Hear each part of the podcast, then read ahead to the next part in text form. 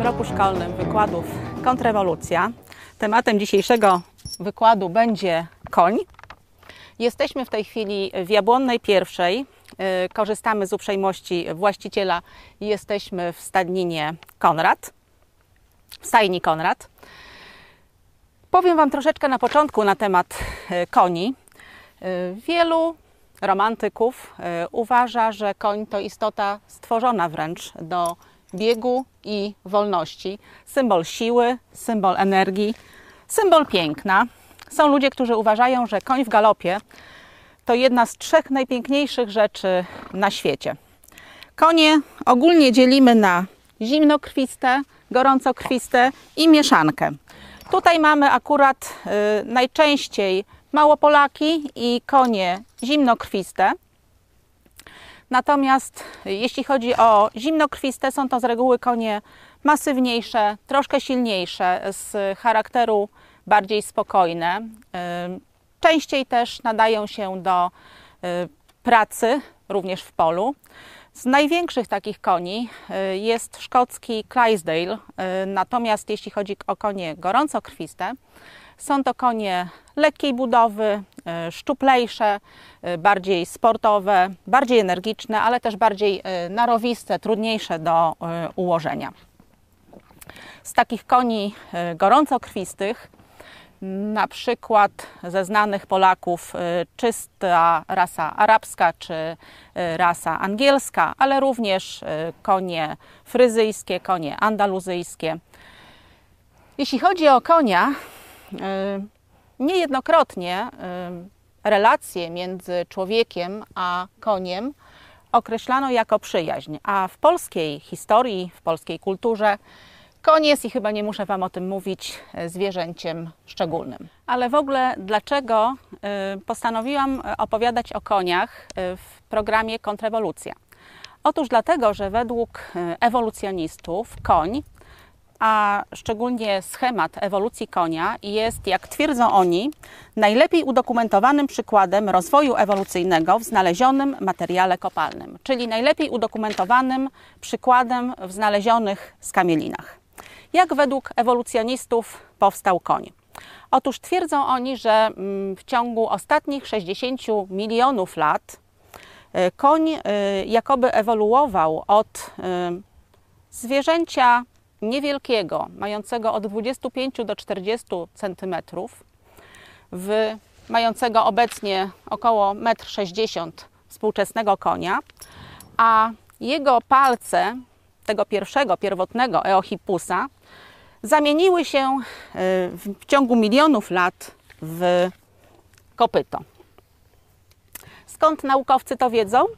Otóż wiedzą to, ponieważ opierają się na schemacie e, ewolucji konia. Cześć, cześć. A skąd w takim razie ten schemat ewolucji konia? I tutaj musimy wrócić do historii, Początek to rok 1841. Wtedy to y, znany paleontolog y, w Londynie, a właściwie w okolicach Londynu, Richard Owen, znajduje y, całkowicie zachowaną czaszkę skamieniałą zwierzęcia, które jest mu nieznane. To zwierzę, właściwie jego czaszka, przypominało czaszkę lisa, natomiast zęby trzonowe miało takie jak u zwierząt kopytnych. Richard Owen nie znał tego zwierzęcia, e, nazwał je Hyracoterium. E, co ciekawe, nie kojarzył go, e, z, nie wiązał w ogóle tego zwierzęcia z pochodzeniem konia. Następny etap powstawania schematu ewolucji konia to rok 1879, Stany Zjednoczone, Nowy Jork. Wtedy ma miejsce w Nowym Jorku publiczny wykład, czyli taki wykład, w którym uczestniczą nie tylko naukowcy czy mm, studenci, ale mogą brać również osoby, y, udział osoby zainteresowane, y, cała publiczność. Wykład prowadzą dwaj naukowcy. Jest to zagorzały ewolucjonista Thomas Huxley i y, amerykański znany specjalista od skamieniałości Charles Marsh. Na tym wykładzie przedstawiają oni diagram rysunek y, zaproponowanego przez siebie schematu rozwoju kolejnych stadiów y, konia. Pytanie, czy ten schemat był oparty o jakieś badania naukowe czy badania genetyczne? Odpowiedź brzmi nie. Była to po prostu z dostępnej, ogromnej ilości już wtedy skamielin y, koniowatych, wybrane takie, które pasowały pod koncepcję ewolucyjną, czyli ułożyli je po prostu w taki sposób, który pasował im do wyjaśnienia ewolucji, zwłaszcza stopy konia i zębów trzonowych konia. Diagram ten na wykładzie bardzo się spodobał. Później został opublikowany w American Journal of Science, a następnie w ciągu lat, dziesiątek lat, y, był publikowany w różnych czasopismach, publikacjach, y, książkach, również podręcznikach akademickich i podręcznikach szkolnych. W 1951 roku inny ewolucjonista, George Simpson, podsumowując y, ten w skamielinach rozwój ewolucyjny, stwierdził, że skamieniałości wskazują, że ewolucja jest faktem. I od tej pory y, wielu ewolucjonistów powtarza to ewolucja jest faktem jak mantrę, w ogóle ignorując y, powiedzenie starożytnych Rzymian, którzy twierdzili, że faktów się nie domniemywa, fakty się dowodzi.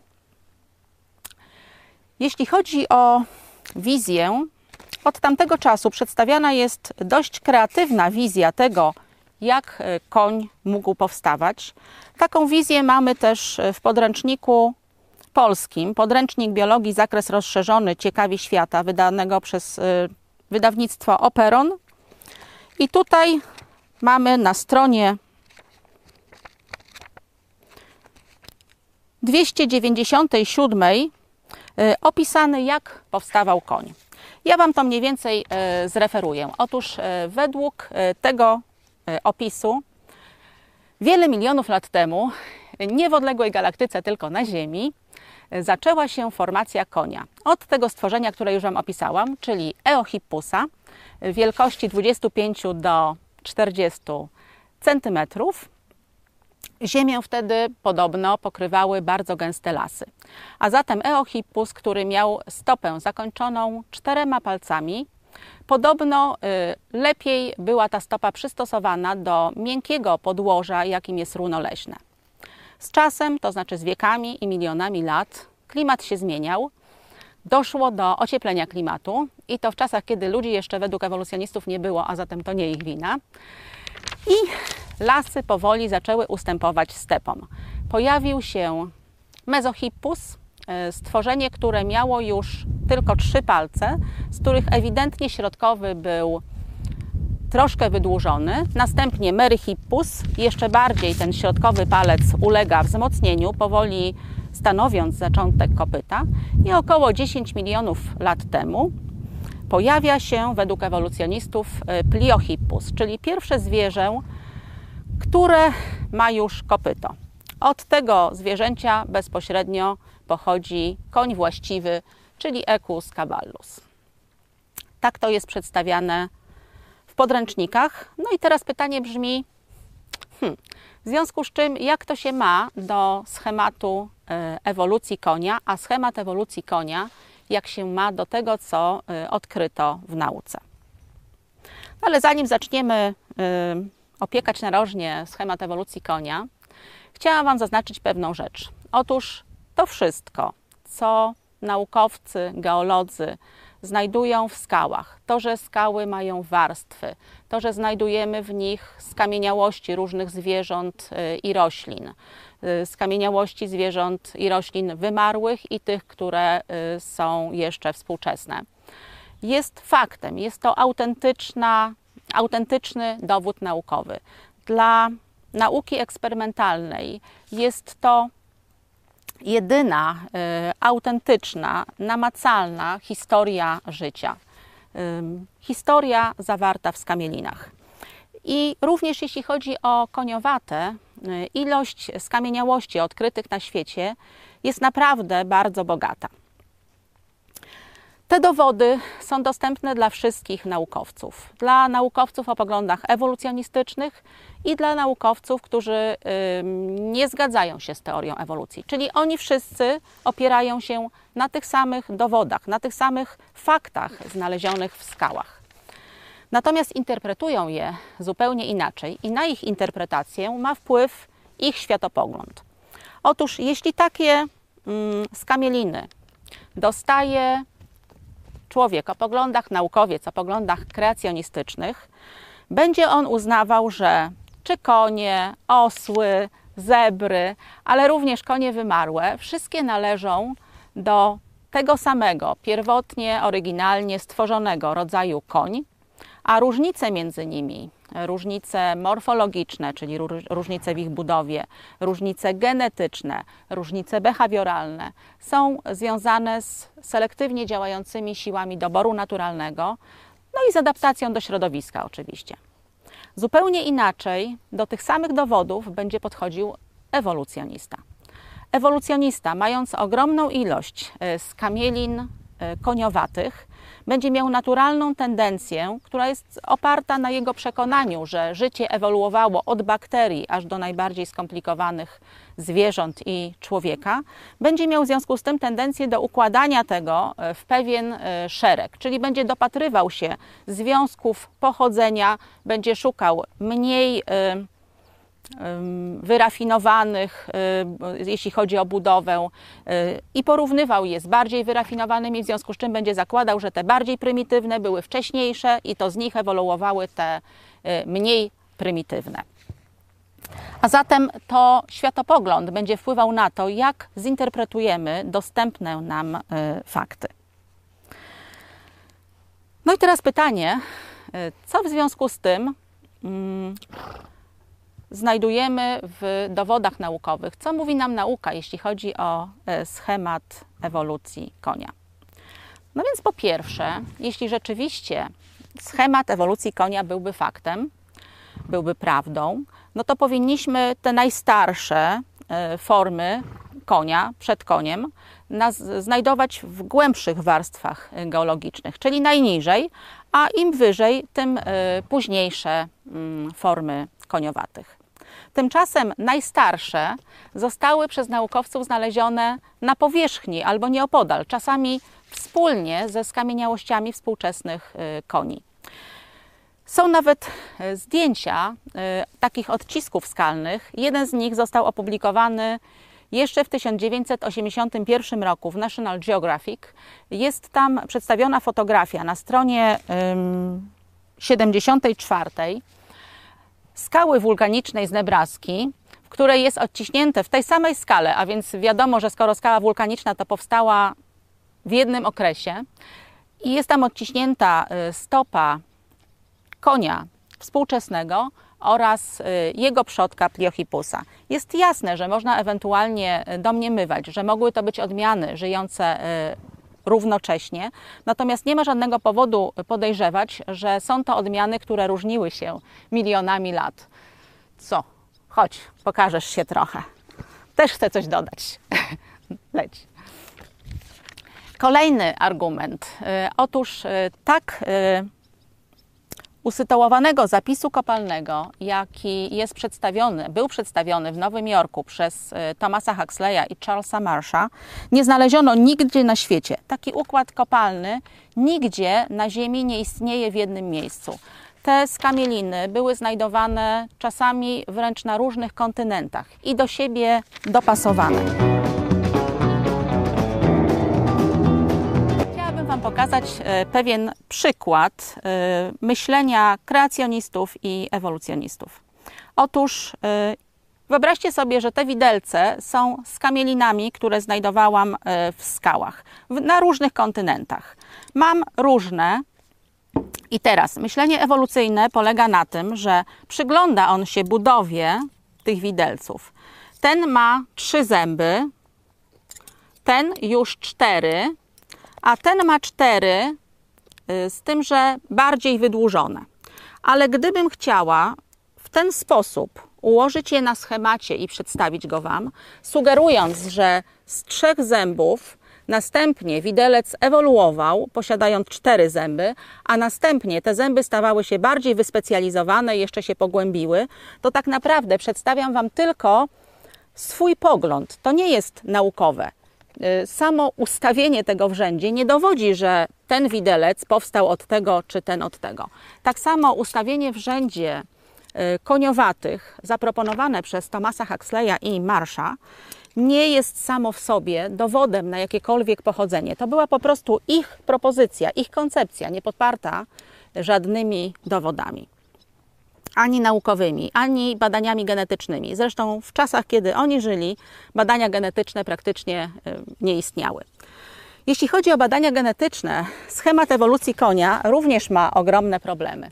Otóż y, wszelkie formy pośrednie podane w, tych, y, w tym schemacie ewolucyjnym mają od 15 do 19 żeber i później cofają się do 18 na sam koniec.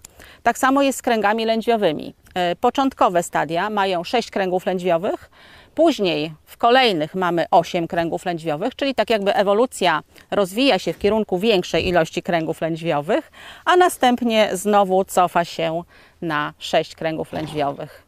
Córka jeszcze nie ma imienia, e, Małopolak, ale ewidentnie ma parcie na szkło. Także y, nawet tego typu problemy genetyczne y, posiada y, schemat ewolucji konia. Ponadto, co ciekawe, naukowcy uzyskali DNA z kilku skamieniałych okazów należących do rodziny koniowatych. Oczywiście, ponieważ te okazy według teorii ewolucji dzieliło miliony lat, więc spodziewali się dużej, dużo różnic ewolucyjnych. Okazało się, że te różnice genetyczne są bardzo niewielkie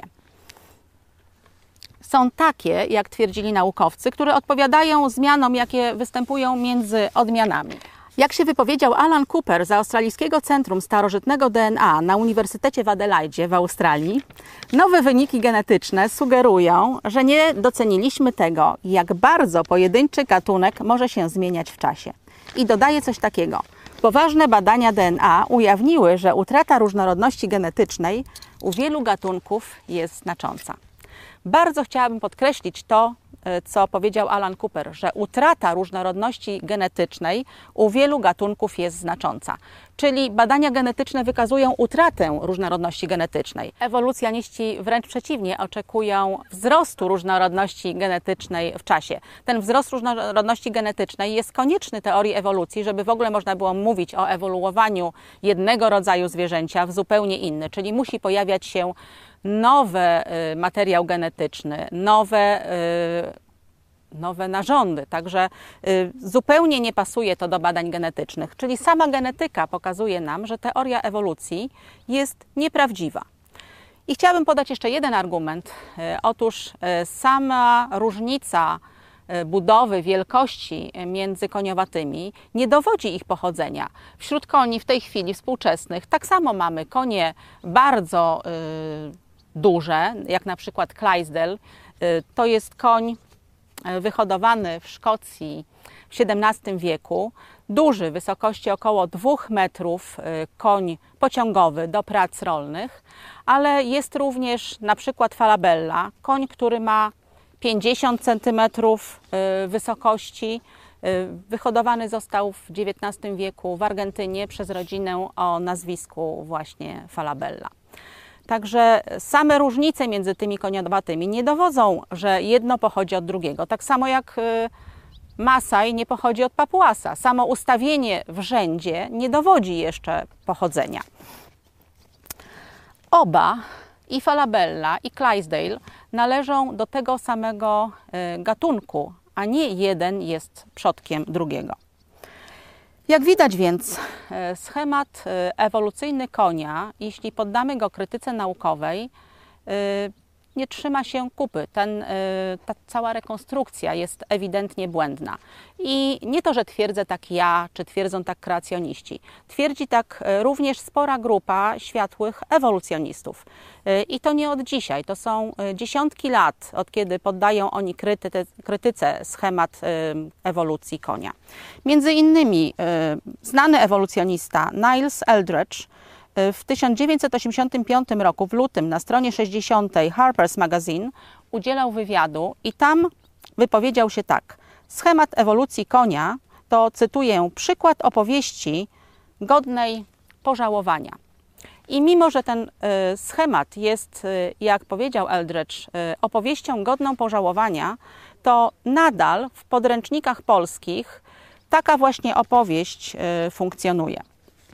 Jednym słowem, koń by się uśmiał y, z waszego schematu, panowie ewolucjoniści.